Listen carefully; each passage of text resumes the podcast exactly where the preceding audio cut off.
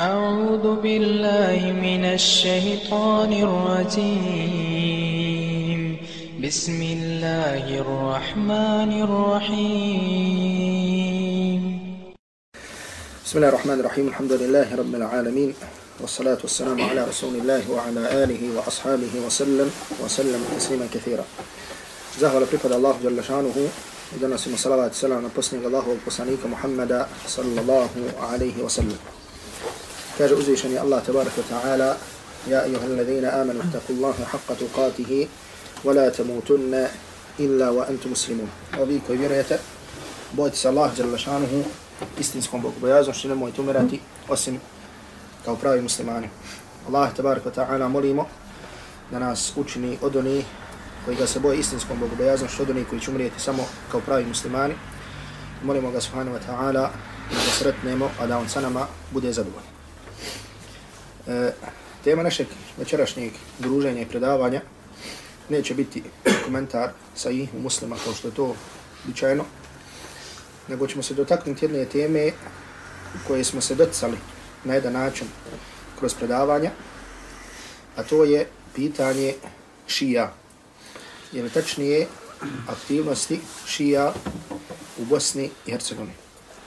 Možda vam je poznato nekim od vas da sam prije nekoliko dana objavio jedan e, članak, jednu kraću studiju, koji je stvari samo, e, koji je stvari jedan dio od nekoliko članaka e, koji govori o fondaciji Mulla Sadra ili da kažemo bolje e, šiitskim aktivnostima na području Bosne i Hercegovine i njihovim, njihovim učenjima. E, mi smo, kao što nam je poznato, spominjali više puta ovu sektu, da kažemo neka od vjerovanja ove sekte i tako dalje. Međutim, opet ponavljam, e, večeras bi se dotaknuo malo, da kažemo, dublje, znači učenja ili tačnije njihovog učenja koje šire na području Bosne i Hercegovine. Naravno, bitnost ove, e, e bitnost ove teme, ove tematike je velika i nju ćete vidjeti na kraju predavanja. Odnosno, kroz ovo predavanje, znači kada govorimo o ovim zabludama i zabludama koje se šire među našom omladnom, među muslimanima, znači kroz to možemo vidi, vidjeti važnost ispravnog vjerovanja. Jer kao što kaže jedna arapska poslovica, وَبِيَضِدِّهَا تَتَبَيَّنُ الْأَشْيَاءُ I po suprotnosti se stvari poznaju. Znači kada vidiš koliko je neka stvar zlo, znači onda znaš da cijeniš, da cijeniš ono, da cijeniš ono što je dobro. E, naravno, odmah da vam kažem, ja večeras ovdje neću govoriti o historijatu ove sekte općenito, niti kada su se šije pojavile i tako dalje, kroz istoriju islama, nego ću govoriti više o njihovom učenju, kao što sam već rekao, i to tačnije o njihovom učenju koje oni šire danas na području Bosne i Hercegovine kao što će se dotaknuti i njihovi autoriteta, odnosno kosti autoriteti na koji se pozivaju, na koje se pozivaju današnje, današnje šije. Vi znate da kada se kaže šije, da se to misli na jednu sektu. Znači na jednu sektu za koju slobodno mogu kazati da se pripisuje islamu. Znači sektu za koju možemo reći da se pripisuje islamu, međutim kroz ovo ćemo vidjeti da oni sa islamom nemaju ama baš ništa. E, oni su uspjeli da dobiju tako da kažemo, naklonost i ljubav velikog broja ljudi kroz takozvani politički islam, ako mogu tako da kažem. Posebno E, nakon takozvane islamske revolucije u Iranu. I u tom vremenu, kada se pojavila ova, kako oni kažu, islamska revolucija u Iranu, znači svrgavanje šaha, e, tada ne samo da su zadobili naklonost velikog broja ljudi ovdje kod nas, islamista u tom vremenu, da kažem kod nas, nego inače u arapskom svijetu. Zato što su muslimani zato što su muslimani bili željni da tako kažemo e, države ili bili su željni e, E, suda po Allahom te barek taala zakonu. Međutim ova revolucija je građena e, odnosno temelji se na čistom šiitskom učenju. I zato znači polazeći od ovoga veliki broj ljudi je postao zadivljen sa njima. Međutim, oni ljudi koji su u arapskom svijetu, među islamskim učenjacima, da tako kažem, e, bili u tom vremenu zadivljeni sa njima, kada su se upoznali sa njihovim učenjem i šta je sve to što oni propagiraju, znači počeli su da govore o suštini njihovog vjerovanja ili da kažemo o suštini, o suštini, njihovog, o suštini njihovog učenja. E, ova sekta naravno kao što ćete vidjeti, znači ima svoj istorijat, ima svoje posebno učenje, znači koje je prepuno širka, obraćanje nekom drugom, traženje pomoći nekom od nekog drugog mimo Allaha tabarak wa ta'ala i tako dalje. Ukratko ću samo reći da njihov istorijat na ovim područjima e, nije počeo od rata niti znači, u periodu posle rata. Znači njihov e, historijat je počeo još od vremena prije rata. I zato kroz e, ambasadu e, takozvane Islamske republike Iran e, počele su da se prevode neke knjige, neka dijela, kao što je e, dijelo Islamska vlast od Homeinija, znači koja je prevedena tada na srpsko-hrvatski jezik, također je dijelo e, šija u islamu od Tabatabaija, znači što ću spomenuti i tako dalje. Međutim, naravno, posle rata, znači, počinje aktivno, aktivno, eh, da kažemo, njihovo širenje, odnosno njihovo, da kažemo, eh, njihove aktivnosti na području, na području Bosne i Hercegovine. Također ću samo kratko reći da se njihove aktivnosti najviše, da kažemo, šire, odnosno održavaju kroz e, sljedeći nekoliko institucija. Prije svega tu dolazi e, ambasada Irana, znači koja širi znači, ovo učenje, posebno znači kulturni, e, kulturni centar ambasade koji se nalazi u Sarajevu, znači koji šire, znači distribuiraju djela, znači njihovi učenjaka, ako što Huminije i tako dalje. Zatim naučno-istraživački institut Ibn Sina, međutim koji je e, više usmjeren ka, tako da kažemo, naučnu elitu, znači usmjeren je doktorima, piše naučne studije i tako dalje. I e, institucija koja se zove Mulla Sadra, znači koja je tako da kažemo za, običnu, za obični svijet, odnosno za običnu raju. E, također od stvari koje ću vam spomenuti, da se današnje šije, današnje šije, e, možemo na jedan način reći bile u dvije frakcije. Znači, postoji jedna grupa konzervativnih šija, da tako kažemo, i postoji, jedan, e, postoji jedna grupa koje, e, šija koji se nazivaju filozofi, znači koji idu pravcem takozvane, e, takozvane islamske filozofije. Ovi konzervativni, znači oni smatruju na jedan način da kažemo u zabludi ili čak nevjernicima, znači ove znači šije koji slijede ovaj filozofski pravac. I današnja znači Republika Iran, znači ona je ona se temelji na ovom filozofskom e, na, na filozofskom učenju šizma, odnosno predstavljanju šizma. I zato, kao što sam rekao, znači jedan broj ovih konzervativni, znači smatra ove u velikoj zabludi ili čak smatraju nevjernice. Pa tako možda ste imali priliku da gledate klipove od onoga Jasera el Habiba, ili kao što neki kažu Jaser el Habib, znači koji znači psuje javno Ebu Bekra, Omera, Aishu radijallahu ta'ala anha, znači čak je napravio znači da kažemo mevlud ili znači e, znači feštu ili e, slavlje povodom znači dana kada oni smatraju da umrla Aisha radijallahu ta'ala anha znači prokniju Ebu Bekra, Omera, Aishu tako dalje znači znači govori što kaže Arapi hadith wala haraj znači govori koliko koliko koliko hoćeš. Znači oni znači smatraju znači ti konzervativni smatraju ove druge znači nevjernicima u zablu i tako dalje. Znači tako da ovaj, na primjer, Jasir, znači on kaže za Hameneja, ovoga sadašnjeg vođu revolucije, on kaže da je to Vehabija sa šiitskom Ahmedijom, sa šiitskom Ahmedijom. Međutim, ovi drugi, znači slijede jedan uh, filozofski pravac, znači kako oni to kažu, kako oni to nazivaju Irfan ili Urafa, znači da oni, znači put Irfana, put filozofiji i sebe nazivaju Urafa, znači filozofima. Oni svoje učenje, znači prije svega temelje na ovom znači e, Mulla Sadri, znači po kojem se ovdje ova e, fondacija naziva Mulla Sadra, zatim dolaze još, znači zatim dolaze još neki njihovi autoriteti koje ću, koje ću spomenuti. Što se tiče ti njihovi autoriteta, znači koje danas šire ove današnje šije, na prvom mjestu e, možemo spomenuti ovoga Mulla Sadru, znači po kojem se ova fondacija koja, ši, koja djeluje u Bosni i Hercegovini, koje se naziva Mulla Sadr. Znači ovaj Mulla Sadra, ili Mulla Sadra Širazi, je bio jedan, e, tako da kažemo, kao ga nazivaju, islamski filozof, koji je u stvari došao e, ili obnovio, odnosno njegovo učenje u suštini skoro isto sa učenjem Ibn Arabija. Znači onog Ibn Arabija o kojem smo, o kojem smo govorili. Tako, na primjer, da kod ovoga Mulla Sadre, znači, ima toliko dalaleta i toliko kufra u njegovom učenju, da Allah tabaraka ta'ala od toga sačuva. Tako, na primjer, neki, neki od dalaleta, znači ovoga Mulla Sadre Širaze, jeste, na primjer, da kaže da je Allah tabaraka ta'ala tijelo. Da je Allah tabaraka ta'ala tijelo, znači ko ima dužinu, ima širinu i tako dalje. Zatim druga stvar što kažu također za Mulla Sadre jeste da je poricao tjelesno proživljenje. Da je poricao tjelesno proživljenje na sudnjem danu, nego je samo potvrđivao i vjerovao u duhovno proživljenje, u duhovno proživljenje na sudnjem danu.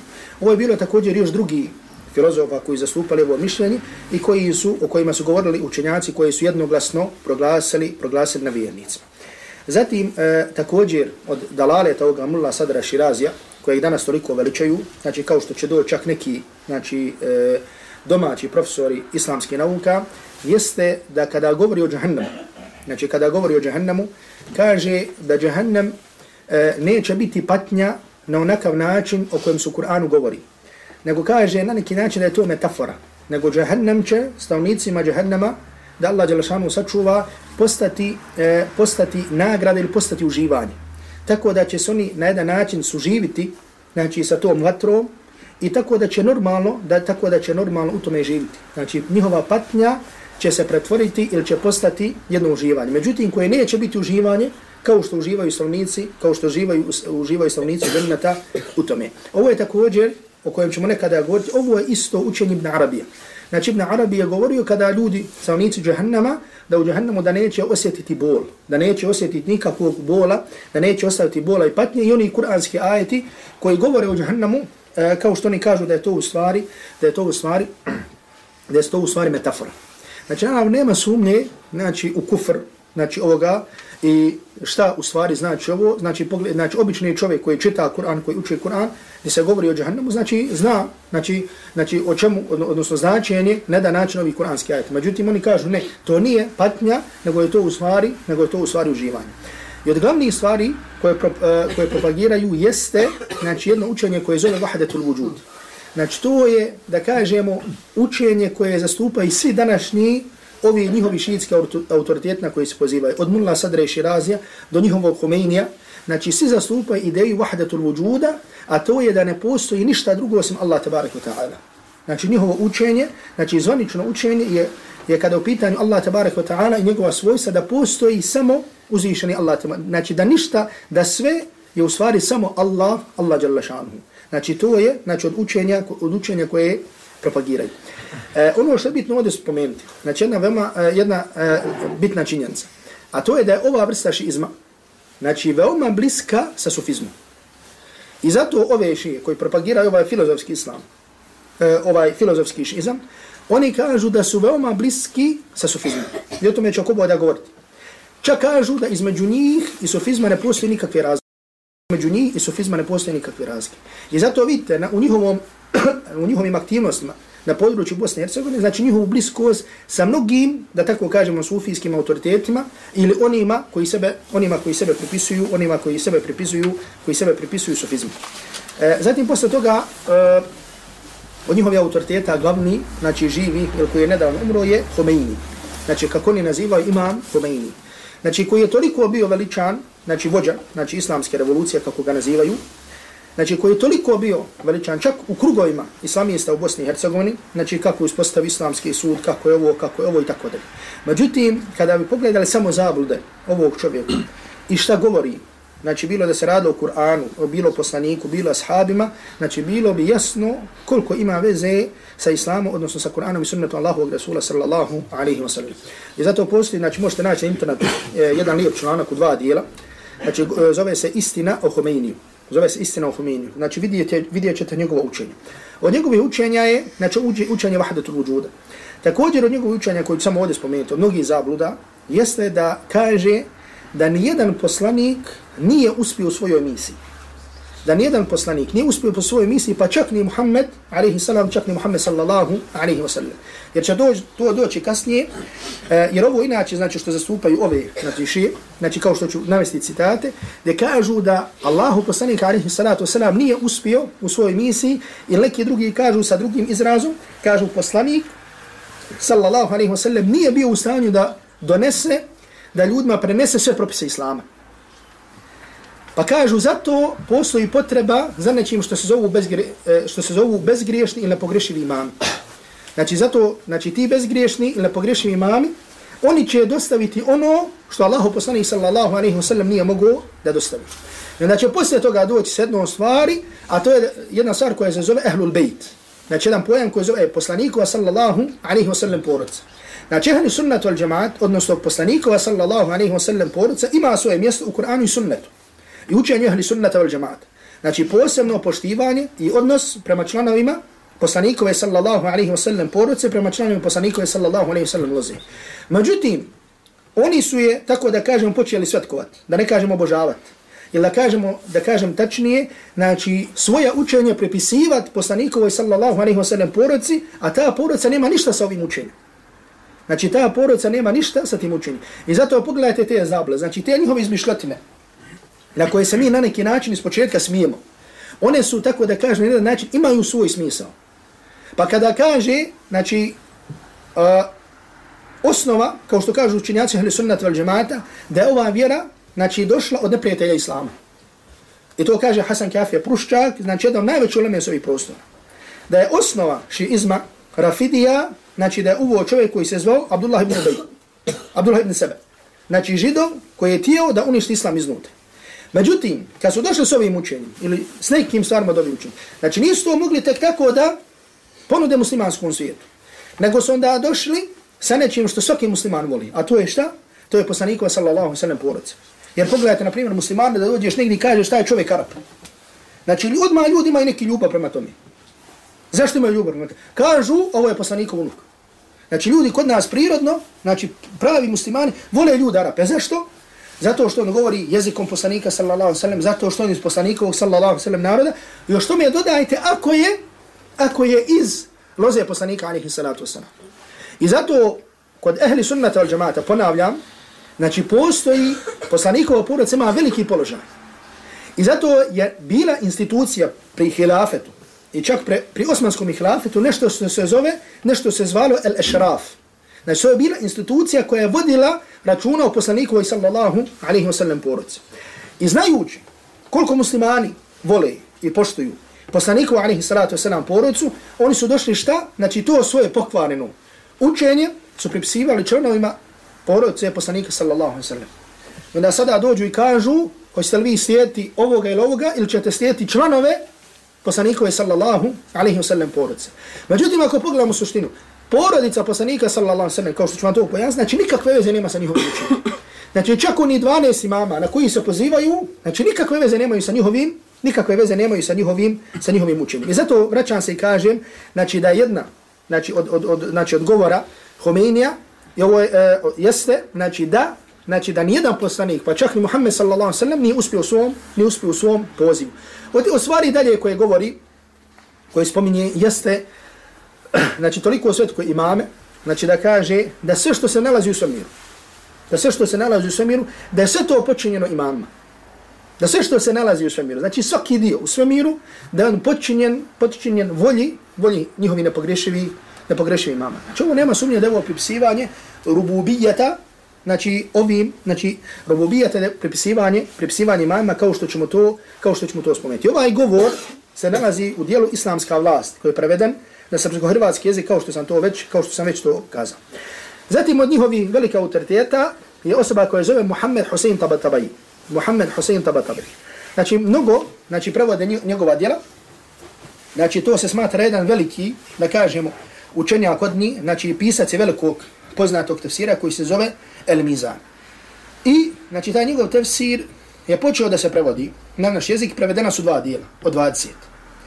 Na veliku žalost, da su neki, da kažemo, profesor islamske nauka govorili o ovom tefsiru, kako je to veliki tefsir, kako je to značajan tefsir, tako da.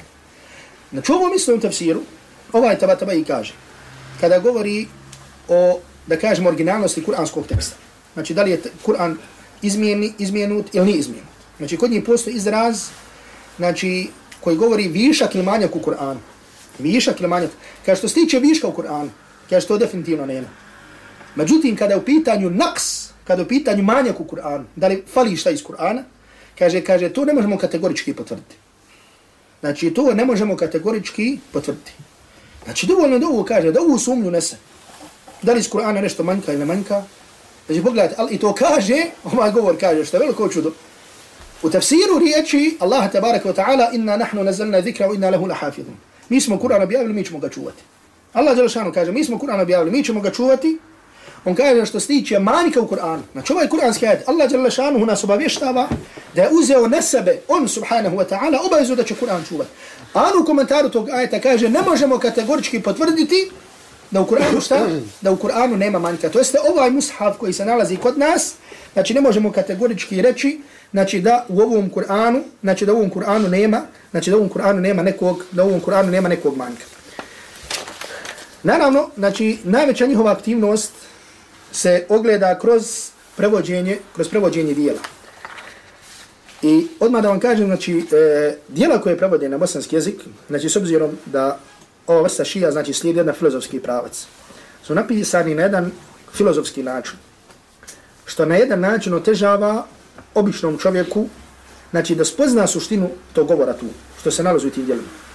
A to je znači da on, oni dođu s onim zabludama, najvećim, najvećim glupostima, međutim to upakuju na, kroz filozofske izraze. I znači, rezultat isti. Znači, ti došao sada i to opisao nekim intelektualnim jezikom. Da je to ovako, da je to ovako.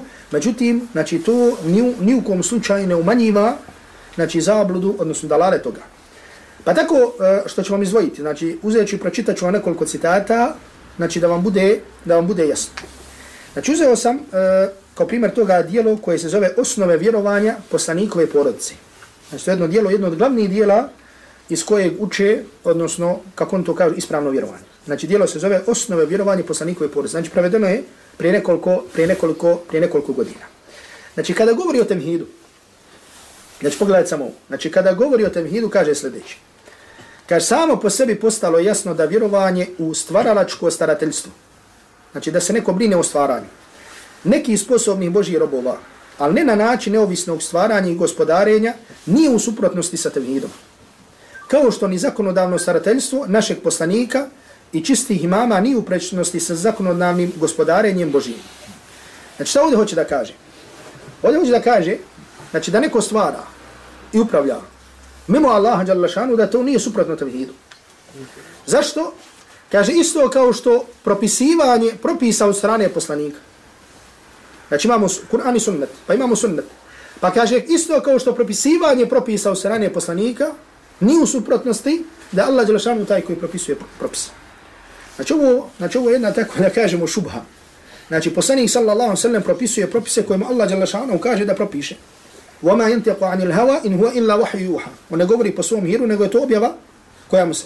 Oni kažu kao što je to tako, onda, znači, ima, kao što Allah Đalašanu stvara, ima robova kojima Allah Đalašanu dao mogućnost stvaranja i upravljanja. Znači, posebno stvari upravljanja. Pa kaže, moguće da nakon ovih objašnjenja bude rečeno, pa kada već potpuni tevhid zahtjeva da ni od kog, osim od Boga se ne traži pomoć, to znači da nije ispravno ni uzmati za posrednike Božije evlije. U odgovor se kaže, obraćanje preko Božih evlija ne odgovara temhidu ako se smatra da su oni nezavisni i bez potrebe za Božjom dozvolom mogu nešto učiniti za molitelj. Znači šta hoće da kaže? Znači hoće da kaže da Allah Đelešanu određenim ljudima, e sad ti određeni ljudi kod njima kijamet. Znači nije to jedan, dva, nego to je kijamet. Znači da Allah Đelešanu dao ti određenim ljudima da šta, da oni mogu da, da upravljaju. Znači pogledajte. Znači Allah Đelešanu kada govori o širku mušrika, i zato Allah sam gradio, pogledajte ovdje bitnost učenja ispravnog vjerovanja Bitnost učenja akide. Znači, kad smo govorili o četiri pravila, znači o četiri pravila kroz koje se razumije ispravno poimanje tevhida. Znači, rekli smo da mušrici Arapi, da su šta? Da su vjerovali da jedino Allah Đelešanu taj koji gospodar, koji stvara, koji upravlja. Znači, koji upravlja. I mušrici Mekke, znači, nisu smatrali da neko mimo Allaha tabaraka ta'ala upravlja.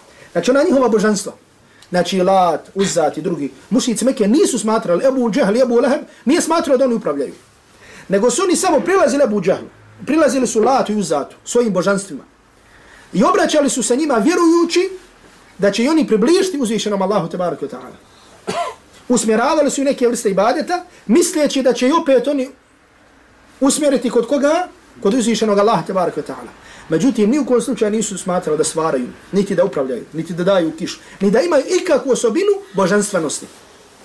Nikakvu osobinu gospodarenja. Znači, to nije smatrano ni Abu Džahl, ni Abu Lahab, koji su se klanjali latu i zatu. Međutim, dođu danas ovi, koji se prepisuju, prepisuju islam, i kažu šta? Ne, imaju osobe koje stvaraju, koje upravljaju. I to prepiše na kraju kome poslanikovoj sallallahu alaihi wa sallam porodci. Znači, ovo kad bi rekli, Kad bi ovo rekli, vjerovanje Ebu Džehla i Ebu Leheba, kad bi ovo nazvali, vallaj bi učinili nepravdu Ebu Džehlu i Ebu Lehebu. Ebu Džehlu i Ebu Leheb nisu ako vjerovali. Znači, kad bi ovo nazvali, vjerovanje, ne kod poslanika, nego vjerovanje Ebu Džehla i Ebu Leheba i mušrika Mekke, znači, na, na nije nepravdu. Zato što tako nisu vjerovali. Znači, oni su vjerovali da Allah, Đalešanu, samo taj koji stvara, koji upravlja i tako da. I zato, znači, spomenuo sam, govor islamskog učenjaka, tačnije učenjaka hanefijskog mezeba koji kažu da je osnova širka kod Arapa, osno, aslu širke Arab, osnova širka kod Arapa, da su se obraćali božanstvima kako bi oni približili Allahu. A ne kako da su vjerovali da njihova božanstva imaju osobine Allaha tabarak wa ta'ala u smislu stvaranja, upravljanja, vođenja stvari i tako dalje. Ovo je osnova širka Arapa. Kao što to kažu naši učenjaci, učenjaci ahli sunnata wal džamaata. Međutim, vidimo Znači, na koji način, znači, i to ne samo to, nego poslije toga, znači, to kažu da je to osnova, da je to tevhid sam. Da se klanjaš, da se obraćaš, kažu da je to čisti, da je to čisti tevhid. Iz toga proizilazi sljedeća stvar. Jer pa ove stvari su sve, da kažemo, lančano povezane. Znači, poslije toga dolazi šta? Znači, ti kojima oni hoće da, da usmjeravaju ibadet. Moraju im dati osobine koje su drugačije od osobine ljudi, od osobina ljudi. Znači, moraju im dati neke osobine. I zato su došli imamima, znači, koji su oni odabrali da budu imami. Znači, dali osobine Allaha tabaraka wa ta'ala. Znači, dali su im osobine Allaha tabaraka wa ta'ala. Pa spomeni samo neke stvari koje ovdje kažu. Znači, ovdje spominju predaju od Ali radijallahu ta'ala anhu. Čega je Alija radijallahu ta'ala anhu čist? Da kaže Ali radijallahu ta'ala anhu, zatim je poslanik sallallahu alaihi wa sallam poučio hiljadu poglavlja, a svako poglavlje otvara hiljadu drugih. A to je milion znanja. Sve dok nisam naučio šta je bilo i šta će biti do sudnjeg dana. Šta je bilo i šta će biti do sudnjeg dana. Kaže, zahvaljujući tome, neki su imami još u doba djetinstva stizali do položaja imameta. Već tada su svi, već tada su sve znali i nisu imali potrebe za poučavanjem i sticanjem znanja od drugih ljudi. Kaže dalje, prenose od imama Sadiq. Znači, to je jedan od imama koji je čisto od ovoga što mi govori. Kaže, imam koji ne zna kakva će ga nesreća zadesiti i šta će se sa njim desiti, neće biti Boži dokaz nad njegovim robojima. Znači, ne može biti imam. Znači, ako imam ne zna koja će ga stvar zadesiti, ne može biti imam. Dobro, šta kaže Allah Đalešanuhu? Allah Đalešanuhu kaže, kul, o Muhammed reci, kul la emliku li nefsi darra wala nefa. Reci ja, znači, nemam vlast, znači ja, nemam u svojim rukama ni korisni štetu. Walau kuntu a'lamu al-ghayb lastakfartu min al-khayr. Da znam gajb, mnogo bi činio dobro. Allah dželle šanu naređuje poslaniku sallallahu alejhi ve sellem šta da kaže ljudima da ne zna gajb. Walau kuntu a'lamu al-ghayb lastakthartu min al-khayr. Da znam gajb. Na šta će me zadesiti? Znači, no, još bi više, još bi više činio hajr. Međutim, oni kažu da nije pravi imam, osim ako ne znaš, znači onaj govor, ako ne znaš, znači one stvari koje će te zadesiti, koje će te zadesiti od Allaha, od Allaha tabarek wa ta'ala. Znači te stvari, znači pripisivanje da imami znaju gaib, šta je bilo, šta će biti, znači toga su znači prepuna, prepuna njihova djela. Zatim, ono što dolazi posle toga jeste upućivanje dove nekom drugom mimo Allaha tabarek wa ta'ala. I zato znate, Allah vas nagradio. Znači, znate ajete i tako me Allah čovjek od ovoga, kroz ovo vidi važnost ispravnog vjerovanja. I zato Allah mi budi na ispravnom vjerovanju, pa makar bio sam. Znači, čovjek ne može spoznati govor Selefa kada kažu budi na istini, pa makar bio sam, osim kada ne vidi ove dalalete. I zato, znači, kada je čovjek na akidi ahli sunnata al džemata, vallaj, pa makar bio sam, ustra i nemoj se ničega stiti.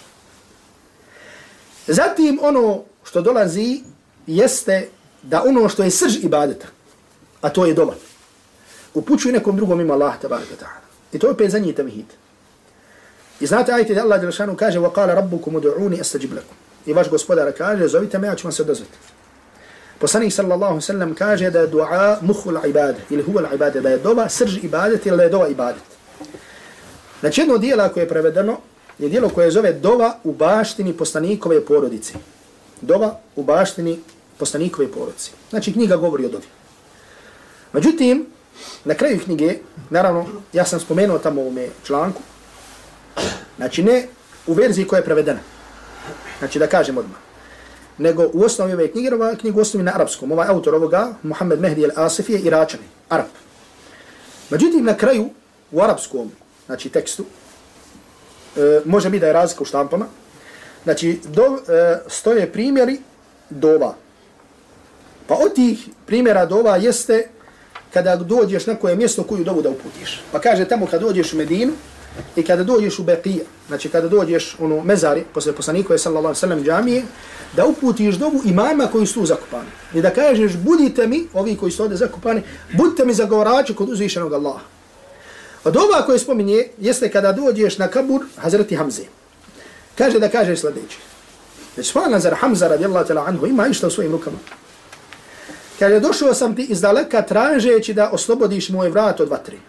Grijesi su mi se natorili na leđa i činio sam da ono što srdi, i činio sam ono što srdi mog gospodara. I nisam našao nikoga boljeg od vas kome se obrati. La havle ona kvote. Znači, ni Allah nije našao.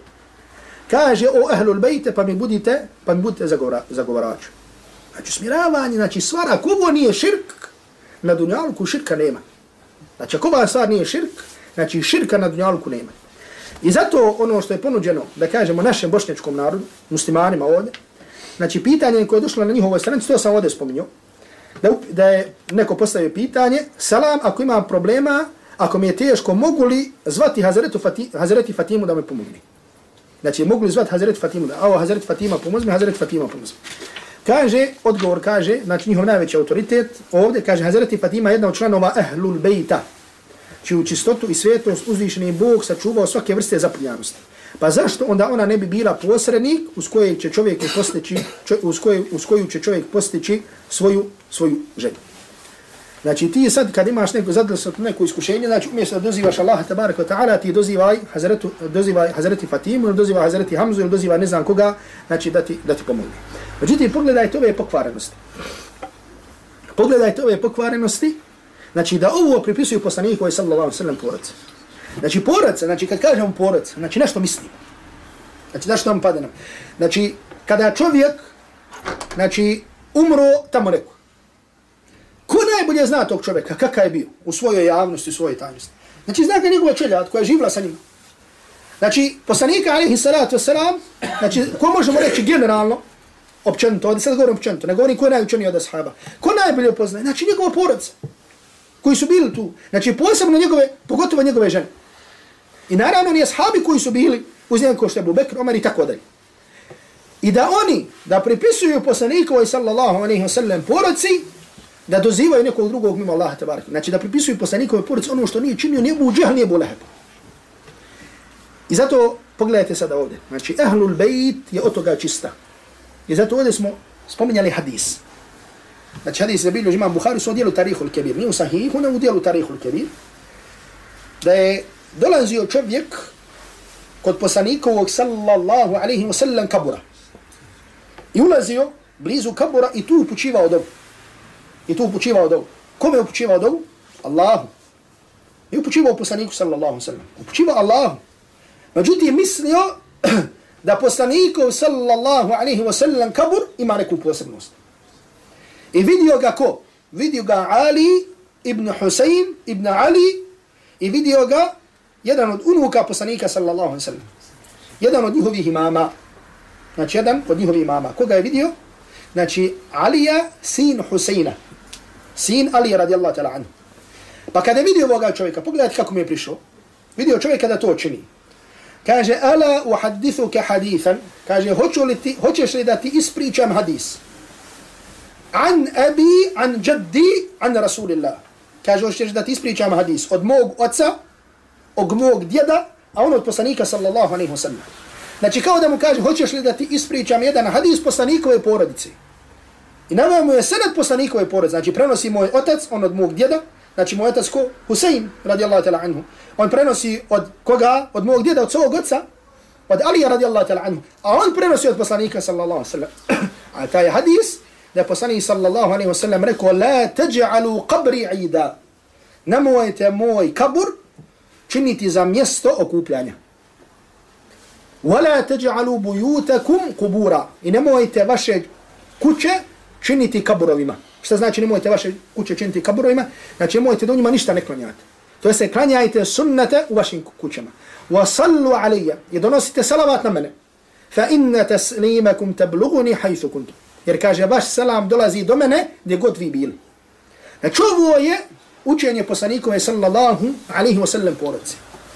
Od učenja poslanikove sallallahu alaihi wa sallam porodice da su svi članovi poslanikove sallallahu alaihi wa sallam porodice smatrali da onaj koji je, naj, koji je bio najpreći hilafeta poslije, znači nakon smrti poslanika alaihi salatu wasalam, da je bio Ebu Bakr Omer.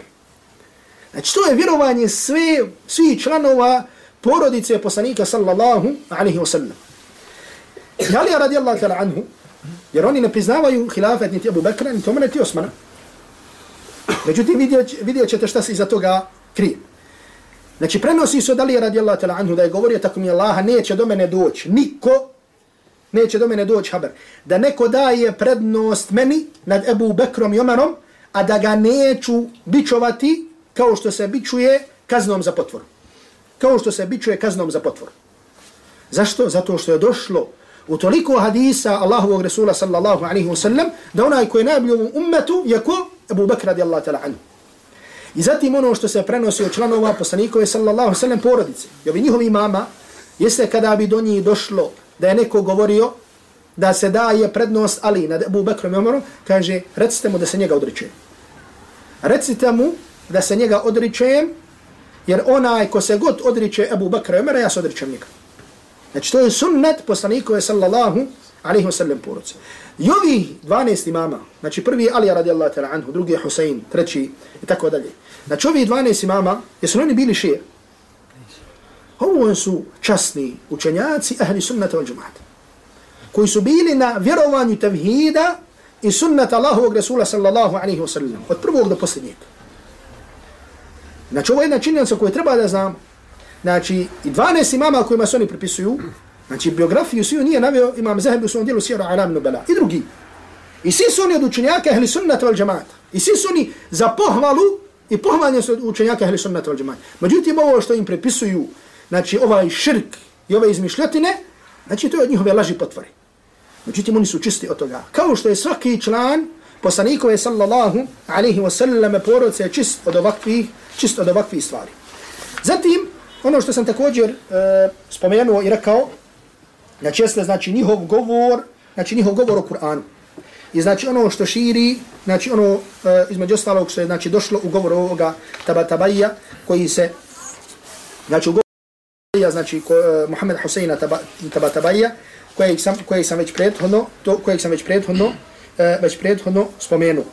Međutim, ono što je također ovdje želim da vam pročitam, jeste znači ovaj govor koji sam rekao, vjerovanje da poslanik sallallahu alaihi wa sallam nije dostavio znači ovu vjeru. Znači ovo je nešto, e, ove sad nisam povadio iz naslova na arapskom jeziku, nego ono što se nudi našoj mladim danas.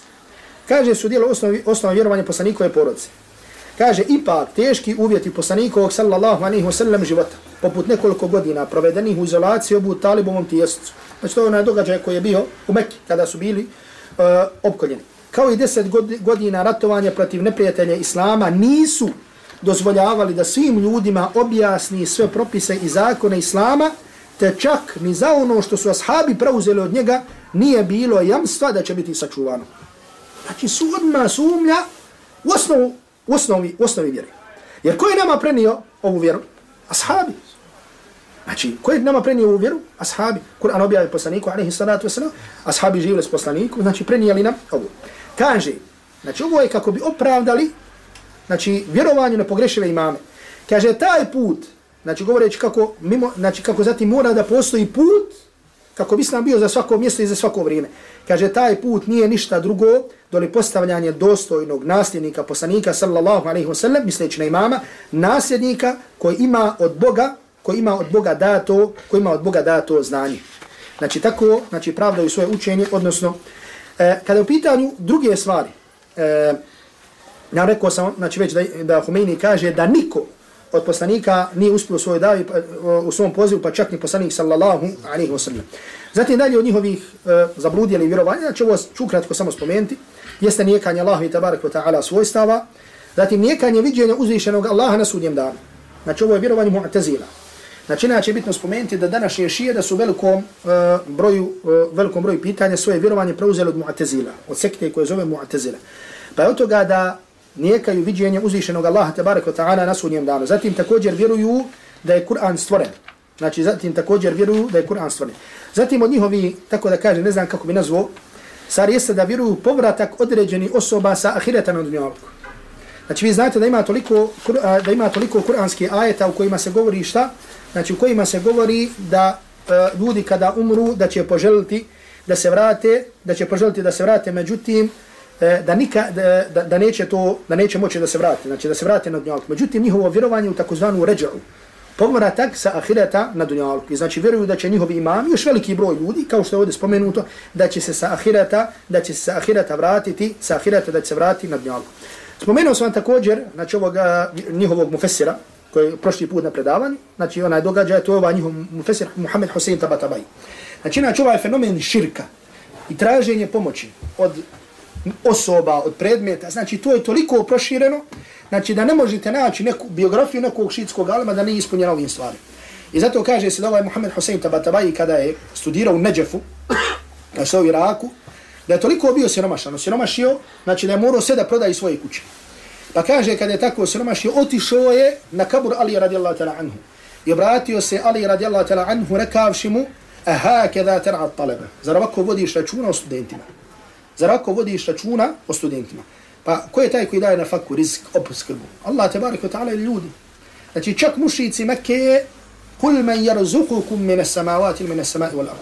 Reci ko vam daje obskrbu sa nebesa i sa, zemlje, sa zemlje, la yakulun Allah. Oni će reći Allah. Znači kada bi upitao ko daje obskrbu sa nebesa i zemlje, mušrici Mekke bi rekli da će im to dati uzvišeni Allah tebareke wa ta'ala. Naravno, govor o njima i o njihovom vjerovanju, tako da kažemo, uh, ima na jedan način, uh, neću reći opasnost. Međutim, veliki broj ljudi, uh, dosta ljudi izbjegava govor o njima. Naravno, postoje tu politički, politički interes i tako dalje. Međutim, uh, od šubhi koje se spominju, kada se govori, kada neko govori o šijama, kao što mi sad ovdje govorimo, Pa oni koji ne vole ovako ovaj govor o šijama, znači gdje što za Humini, gdje što za ovoga Tabatabaje, tako dalje, kažu nemoj praviti podijelo među muslimanima. Nemoj praviti podijelo među muslimanima. Znači, ili govor o ovim stvarima, što neko zastupa ove stvari, je ovo podjela među muslimanima. Kraj krajeva, ovi ljudi se ne mogu nikako smatrati muslimanima. I zato, ko što upitaš i Džibrin, je ovo mišljenje zastupa veliki broj učenjaka nefijskog mezheba. A to je da oni, znači, nisu murtadi. I ovo je mišljenje koje mi se čini ispravnije. Znači, kad neko pitao su šije murtedi, što bi vi rekli? Nisu nikad ne bili. Znači, meni se čini da nikad u islamu ušli nisu. Znači, onaj koji doziva Aliju, koji doziva ovoga, koji doziva, koji ima da li se, da li se za njega može reći da je murted? Znači, u, u osnovi nije ušao islam. Znači, murted je onaj koji uđe u islam, pa dođe kasnije do ovog vjerovanja. Međutim, koji osnov ima ovako vjerovanje, znači ne može se muslimanom nazvati aslan, nikako. I zato zar je govor o ovim stvarima, ovim fenomenima širka, Ovim stvarima koje su, da kažemo, oko koje je jednoglasno mišljenje učenjaka, svi mezheba unutar ehli sunnata od džemata. Znači, zar možemo govor o ovim stvarima nazvati podjela, podjelo među umet? I zato ova stvar, da pominjem još jedno, nemoj dijeliti muslimane, nemoj praviti podjelu među umetom. I od najvećih oružja sa kojima želuje proširiti svoje vjerovanje. Odnosno nevjerovanje. I zato prije ne dosta godina, sam pisao, bio, još sam bio student, pisao sam jednu studiju o šijama. Pri, pravi se jedne opanske na dijelo od šiha, rahmetullahi, ali Abdul Qadir Arnauta, gdje se govori o sahabima. I ovo me njihovo me, sada ode me velikom uh, učitelju šehu, dopisivo sam sa njim sa mailom, međutim da sam Bog do sačuvao te, ta pisma, međutim nisam sačuvao. I postao sam par citata, par citata od Homeinija, pita, da ga pitam čisto, je ovo istina ili nije istina? Je ovo istina ili nije istina? Jer ovo, i sve ovo što sam bio naveo u prijateljnom tekstu što ću navesti, znači gledao sam da navedem iz njihovih dijela. Odgovor koji mi je vjerovalo i ne došao od njihovog najvećeg autoriteta, doktora nauka, ne znam koga, je bio sljedeći. Dobro ga se sjećam. Kaže, te knjige nisam gledao, nisam čito, ima 20 godina. Kaže, savjetujem ti da ne radiš na podijelu muslimana mnogo znači, savjetujem ti da ne radiš na podjelu muslimana. Znači, ti hoćeš da kažeš da neko je halobol, Znači nemoj smatrati da, da sve što ima, da je to kod upravom imama. Znači govorimo o stvarima temhida, stvarima širka. Ti kažeš nemoj praviti podjelu, nemoj praviti podjelu muslimana. Znači sad kako govor o ovim stvarima, znači može znači kako govor o ovim stvarima može biti podjela među muslimana. I zato, znači, način na koji su širili svoje vjerovanje je bilo da su tražili osnivanje centara na koje nasio jedan broj u lemehli sunnata al džemata. Međutim, o tome sada ću, neću širiti puno. Gdje su govorili o takozvanom takribe i medahib, o, bližava, o zbližavanju među mezhebima. Pa su govorili o zbližavanju između mezheba, ehli sunnata i šija. I na jedan način, pogledajući na opće stanje muslimana, kažem, geografsko, političko i tako dalje, veliki broj ljudi je imao jednu veliku želju za jedinstvo muslimana.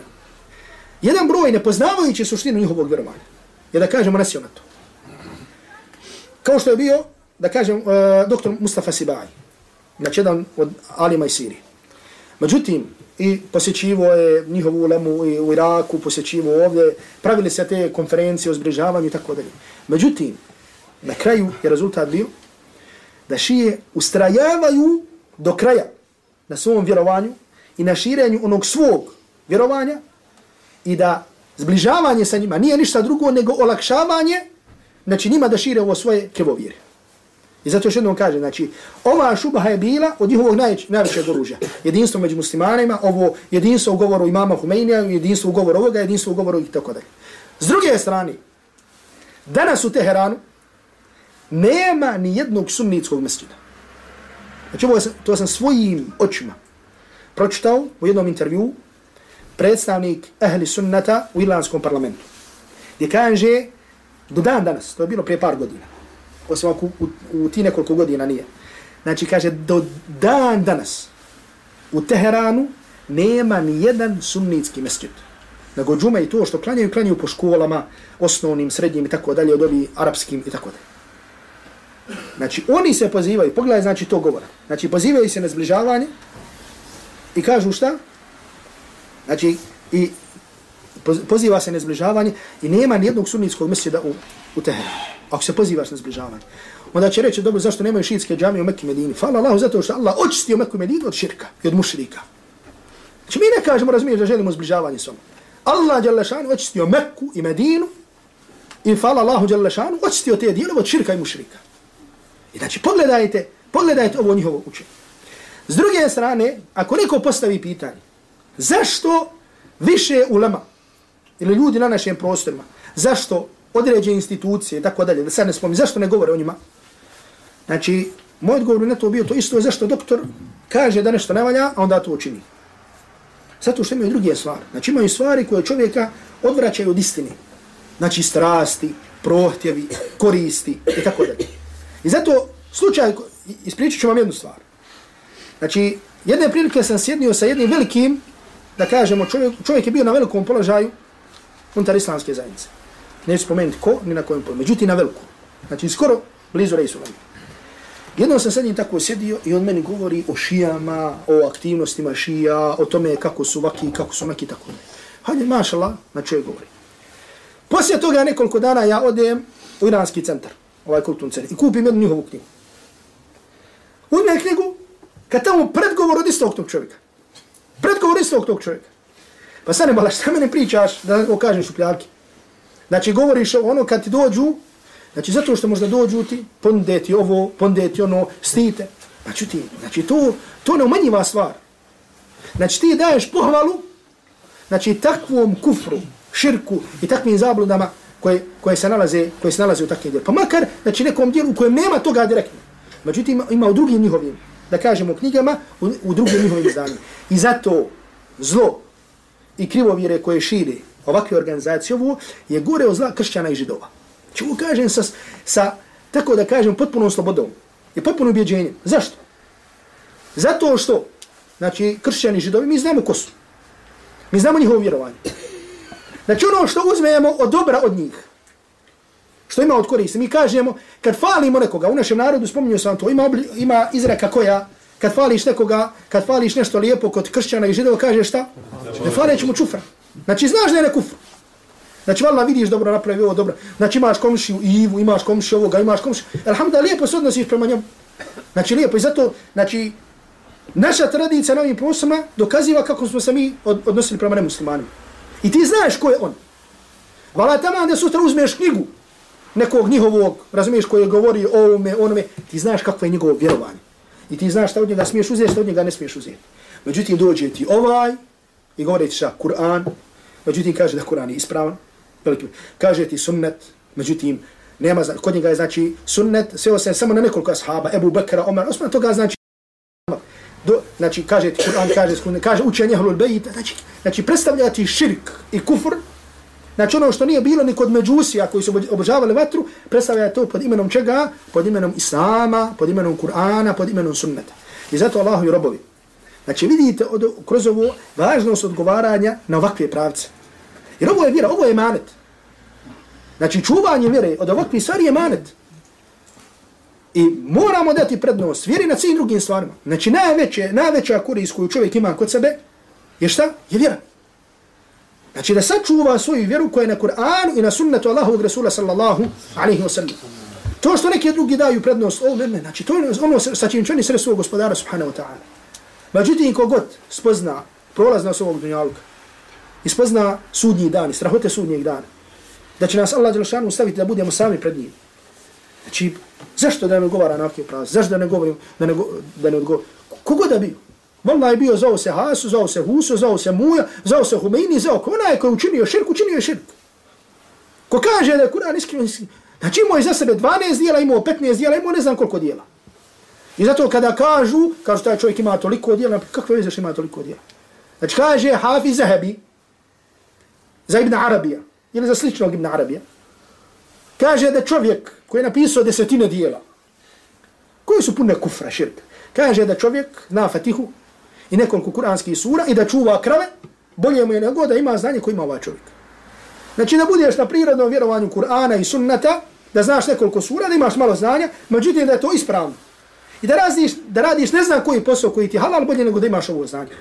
Bolje nego da imaš, nego da imaš, nego da imaš kod sebe, nego da imaš kod sebe ovo znanje. I zato Allah tabaraka ta'ala molimo da nas uputi na znanje Kur'ana i sunnata, da sačuva, da sačuva našu vjeru. I tako mi Allah čovjek rozumo vidi blagodat sunnata Allahovog Resula sallallahu alaihi wa sallam. I blagodat čistote ove vjere. I zato, znači onaj koji nosi ovo ispravno vjerovanje, koje se gradi na kitabu i na sunnetu, treba da ide uzdignute glave. Allah, tabaraka ta'ala, molim da nam oprosti, da nas se smiluje i da nas okupi na sudnjem danu sa ashabima Allahovog Resula sallallahu alaihi wa sallam, kao što nas je okupio večeras ovdje, wa sallallahu ala Muhammad wa ali wa sahbihi